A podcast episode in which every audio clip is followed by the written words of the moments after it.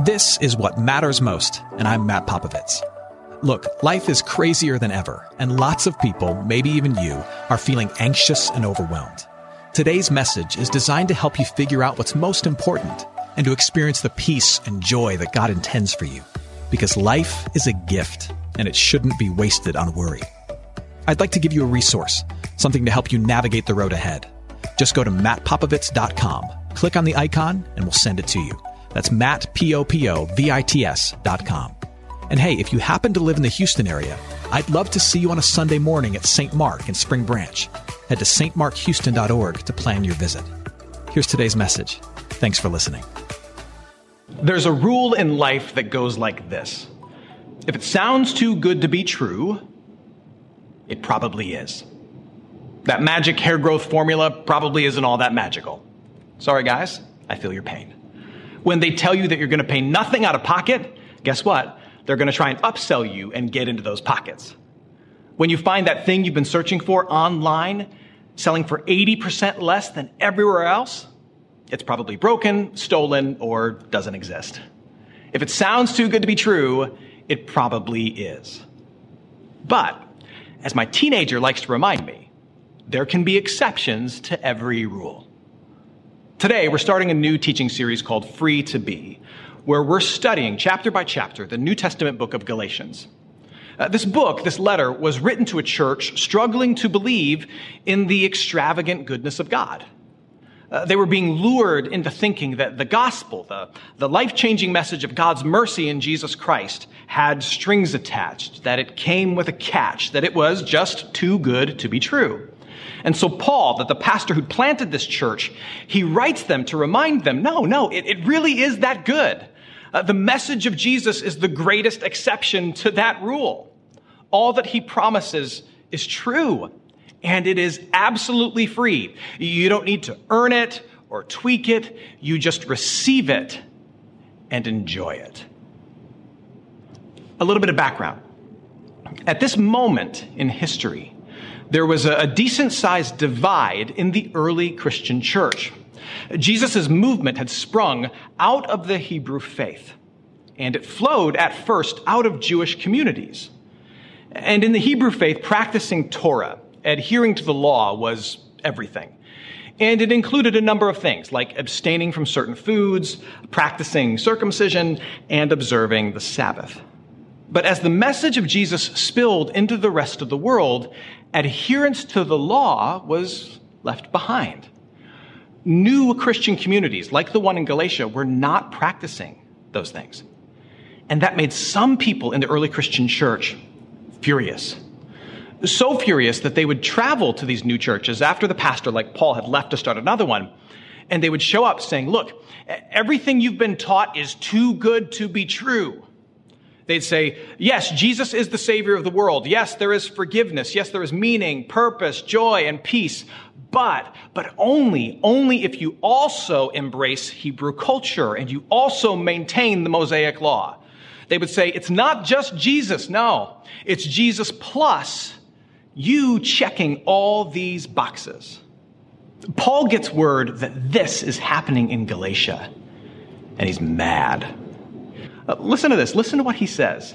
He says this, chapter 1, uh, starting at verse 6. Paul says, I am astonished that you are so quickly deserting him who called you in the grace of Christ and are turning to a different gospel. Not that there is another one, but there are some who trouble you and want to distort the gospel of Christ. In, in every other letter we have from Paul, and we have several, he follows the same pattern. Uh, first, he introduces himself, then he gives a greeting, and then he offers a word of thanks or praise to the people that he's writing to. Every single time he does this. Except this time. This time, he gives a little greeting, he says hello, and then he lights into them. He lets them have it out of, out of love, but he lets them have it nonetheless. Uh, listen again to what he says. He says, I'm astonished to hear that you have turned your back on Jesus. It's blowing my mind that you are deserting Jesus Christ by even entertaining this other message.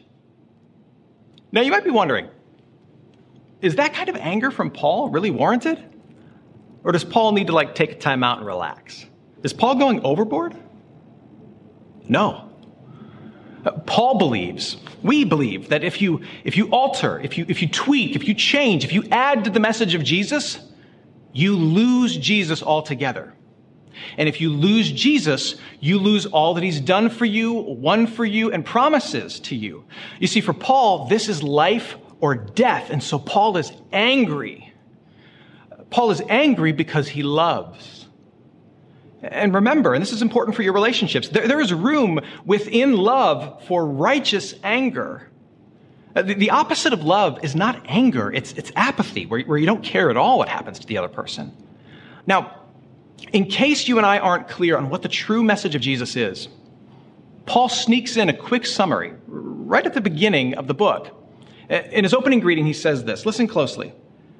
Grace to you and peace from God our Father and the Lord Jesus Christ, who gave himself for our sins to deliver us from the present evil age according to the will of our God and Father. That's it. That's that's the whole gospel message right there. Did you catch it? Paul says, We have grace and peace. Why? Because of Jesus. Because of Jesus, who gave himself, sacrificed himself to deliver us, to rescue you and me from this evil age. Uh, to rescue us from the sins that entangle us, from, from death that's chasing us, and this terrifying world that is crumbling around us. And why did he do it?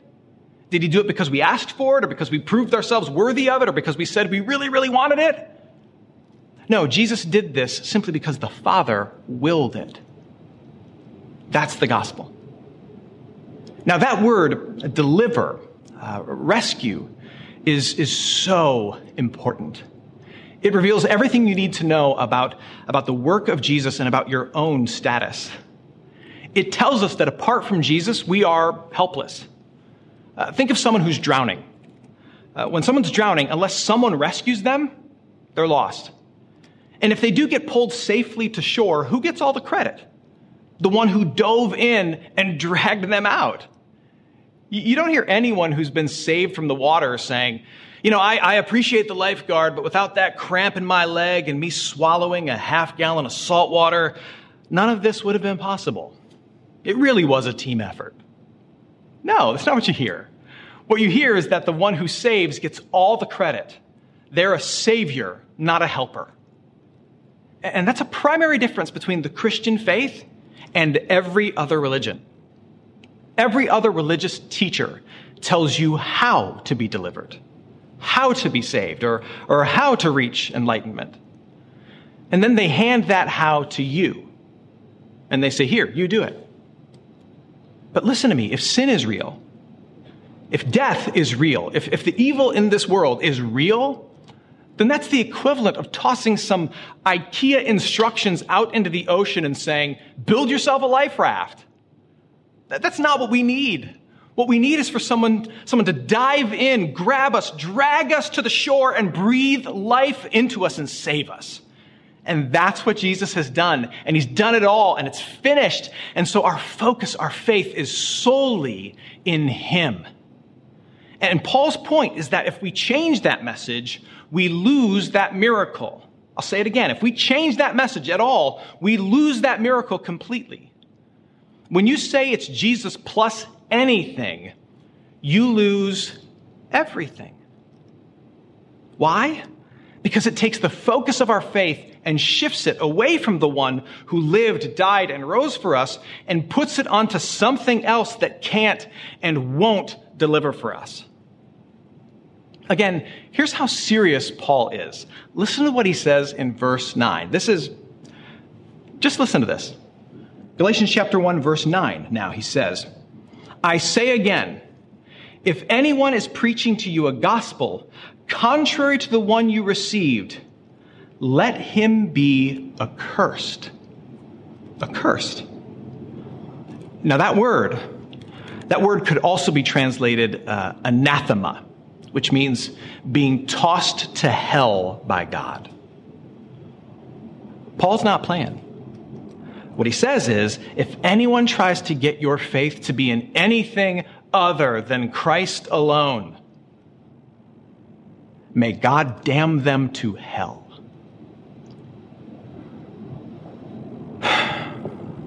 Now, what do we do with this? Interesting history lesson, right?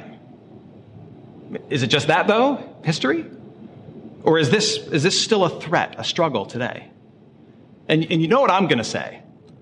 Of course it is. There are still false gospels filling the air and pulling at our hearts, daring us, albeit very deceptively, to desert Jesus. Yes, a, a lot has changed in the 1950 years since this letter was first written. I mean, we have TikTok now. But here's what hasn't changed the human heart. Not one bit. And there's nothing, there's nothing the human heart loves more, more than Jesus, more than grace, more than Hamilton on Disney Plus. There's nothing the human heart loves more than itself. False hopes, false gospels have so much influence because they play on that part of our hearts. They come to us and they try to make us the focus. They make us the hero. They make us the center of the story and we eat that stuff up. Why do you think the world of self-help thrives in good times and in bad? Now, I'm not against bettering yourself, not at all. But there's a reason that this is the number one best-selling self-help book of all time. The title alone tells us exactly what our hearts want to hear. You can save yourself. That idea always sells. Always. Ask Galatia. I hope you're enjoying today's message. For more of what matters most, you can head to mattpopovits.com. There you'll find other messages. You can support this ministry as well as access your free gift. Oh, and if you're looking for a local church and you live in Houston, come and see what's happening at St. Mark Houston. To plan your visit, head to stmarkhouston.org. Thanks for listening, and back to today's message. Now, today, you find two major distortions of the Christian message, and both are really alluring to us. And as I explain these, I'd like you to be asking yourself, which one is most attractive to me? Which one would be most tempting for me to latch my heart onto? Today, the most common twists of the Christian message are plus Jesus and minus Jesus. The first is the one we've already been talking about. It's the same thing Paul warned our ancestors against. Though today there's, there's less talk of pork and circumcision. Plus Jesus messaging says that your trust in him is not enough. You need to add something else in or else you can't be sure of where you stand with God. And it has both an inward and an outward expression. Uh, let me illustrate. Many people struggle with this, this, this lie internally that says, you're not good enough. Uh, certainly, God and others can't love the real you. Have they even seen the real you? Do they know the real you? And so you feel this, this constant pressure to do more, to be more, to try harder in everything, even faith. Now, on the flip side, minus Jesus messaging says that, that trust in Jesus isn't really required. This is what you'd call uh, classic liberal Christianity. It says, look, if being a good person is what matters most to you, then have at it if being kind, being your best self, being a woke warrior is what matters most in life, then go ahead, make that the great hope of your life. And you don't need Jesus to live out that life. In minus Jesus theology, what, what saves you is not the death of Christ for your sins, but your own commitment to your ideals. Have you, have you done some good? Have you meant well? Then that's what matters. No grace required. But here's where it falls apart. Deep down, we all know, listen to me, we all know that we do, in fact, need grace. That if fully exposed, we would not stand the scrutiny of anyone's gaze, certainly not God's. Minus Jesus theology says just be good, but it never tells you how good to be. But listen to me, it doesn't have to. Because we already know whatever it is. we probably missed the mark. Now, both of these distortions, these twists on the truth, are alive and well in the church. And they have power over, they have pull in human hearts. Uh, which one could most easily lay hold of you? Think about it. Is it plus Jesus? Do more, be more, I need to see more. Or is it minus Jesus?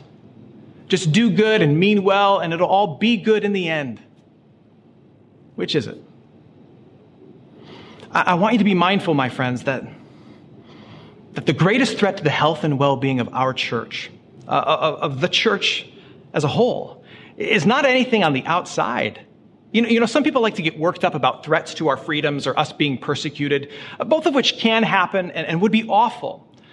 But both are things that God has said his church will experience and will be able to endure. And often, if history is any indicator, we will thrive as a result of those things. Now, according to what we are studying today and what we see throughout history, the greatest threat to the church doesn't come from the outside, but from within. When people of faith invite and invent new gospels, which are no gospel at all, be mindful that you don't, as Paul will say in chapter 5, put yourself back under a yoke of bondage. To, to add to Jesus, to take away Jesus, is to lose Jesus. And if you lose Jesus, you're just by yourself. You're alone in the water, so to speak. Uh, alone with the truth of your mortality, your mistakes, uh, of your inability to be the amazing person that you want to be. And you have all of that weight on your shoulders as you bob up and down in the waters of life. You have been set free from that burden. Don't you dare, don't you dare pick it back up again. Remember that this freedom that you and I have, that, that you enjoy, came at an incredible, almost indescribable cost. This wasn't some prize found on the bottom of a box of cereal. Remember when they used to do that, by the way? How gross was that? Some toy was buried in your box of frosted flakes, and your older brother, who you know for a fact never once washed his hand, would stick his arm in there up to his elbow to grab that thing. Your forgiveness, your place in the Father's family was not grabbed so easily. It was won in an epic and terrible battle. One that involved all the sins of man being placed on Christ all the evil that Satan could muster being thrown at Christ, and his scream, It is finished, as his blood drained from his body.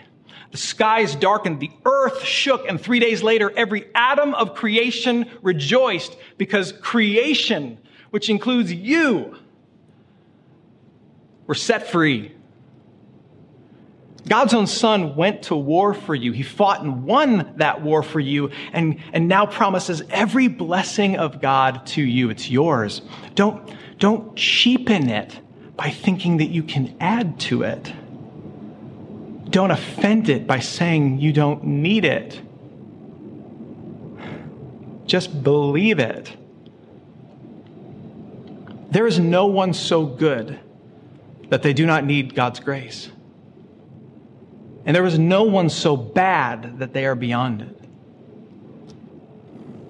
If anyone tells you that you must do more than simply believe, if anyone says that you don't need what's already been done, may they be damned. Because it has all been finished. And you are loved. And you are free through faith alone. Let me close with a story. Fiorello LaGuardia was the mayor of New York City during the Great Depression. And he was uh, uh, a character, to say the least. He, w- he would ride the city fire trucks. He would take entire orphanages to baseball games. And, and when the city newspapers went on strike, he, he got on the radio and he read the Sunday comics to kids over the air. He was, he was one of a kind. One night in 1935, Mayor LaGuardia went to night court in one of the poorest sections of the city. He walked in and he, and he, sent the judge home and he took over the bench, hearing cases. And an older woman was brought to him, uh, accused of stealing bread. And she told the mayor that she was, in fact, guilty, but that her family was, was struggling. They were poor. The shopkeeper from whom the bread was stolen insisted, however, on pressing charges, saying, Look, she must be punished to teach the rest of the neighborhood a lesson. And so the mayor said, Look, I've got to punish you. The law makes no exception. So here's my ruling $10 or 10 days in jail. Again, it's 1935. $10 is a lot, and she was very poor. But here's what happened next. LaGuardia then pulled $10 out of his own pocket and he said, Here it is. I'm paying your fine. Furthermore, I'm going to fine everyone in this courtroom 50 cents for living in a city where someone poor has to steal bread. And then the bailiff went around the court and he collected the fines from every person present, including police officers and other people who were up for trial. And he gave that money to the woman. And the next day it was reported that the woman went home with $47.50 or roughly $900 in today's economy. She was guilty, all right. And the law is the law. But someone else paid and gave her even more than she could ever have imagined or earned on her own. That's a crazy story. And that, my friend, is what God in Christ has done for you. There's an old rule. If it sounds too good to be true, it probably is. Unless it's this you don't have to do anything for God to get everything from God. It's all yours. It's all yours through faith alone. It's good. It's free. It's true. It's the exception to the rule. Amen. Before we pray, I want to invite you to read the book of Galatians along with me and the rest of the church throughout this series. If you'd like to receive daily Bible readings from the book of Galatians, I want you to text the word free to the number that you see on the screen. And each morning throughout this series, you'll get a link to just a handful of verses. You can read them in like 15, 20 seconds. It's going to be that short, that easy. And then by the end of the series, you'll have read the entire book of Galatians. So text the word free to the number you see below. Let's pray. Heavenly Father, it does sound too good to be true, and yet you tell us that it is. It is true that Jesus Christ has done everything to save us, to love us, to forgive us, to transform us, and to make us members of your family. Uh, Father, help us to continue to believe that and to have faith in that and that alone. We are so quickly lured and tempted towards other messages that put the emphasis on us. But Father, help us to spot those things and to reject those things. Also, help us to be mindful of how we might be spreading or propagating such dangerous things within our own community by laying, by laying unbiblical expectations on others that make them feel as though they're an outsider or they can't have grace unless they do this or add this. Father, may that not be true of us, of this church, ever, ever, Lord. And for anyone who's listening, who's wondering whether or not, whether or not they can be a member of your family, Father, make it clear to them that they don't have to clean up anything, change anything, do anything to receive everything. That all of that comes after the fact. All they bring is their nothing. And Jesus supplies everything. Thank you for that too good to be true, yet totally true news. In Jesus' name, amen. Hey, it's Matt. I hope you enjoyed what matters most. Here's what I need you to know life is a gift, and it shouldn't be wasted on worry. I want to help you figure out what's most important and to experience the peace and joy that God intends for you. So, for more content, you can head to mattpopovits.com. That's Matt, P O P O V I T S.com. There you can also support this ministry as well as access your free resource, a little something to help you navigate the road ahead. I'd also love to see you on a Sunday morning. If you're in the Houston area, head to stmarkhouston.org to plan your visit. In the meantime, hit me up on Instagram at mpopovitz or at facebook.com slash Matt Popovits Ministries. Thanks for listening. Now go and hold tight to what matters most.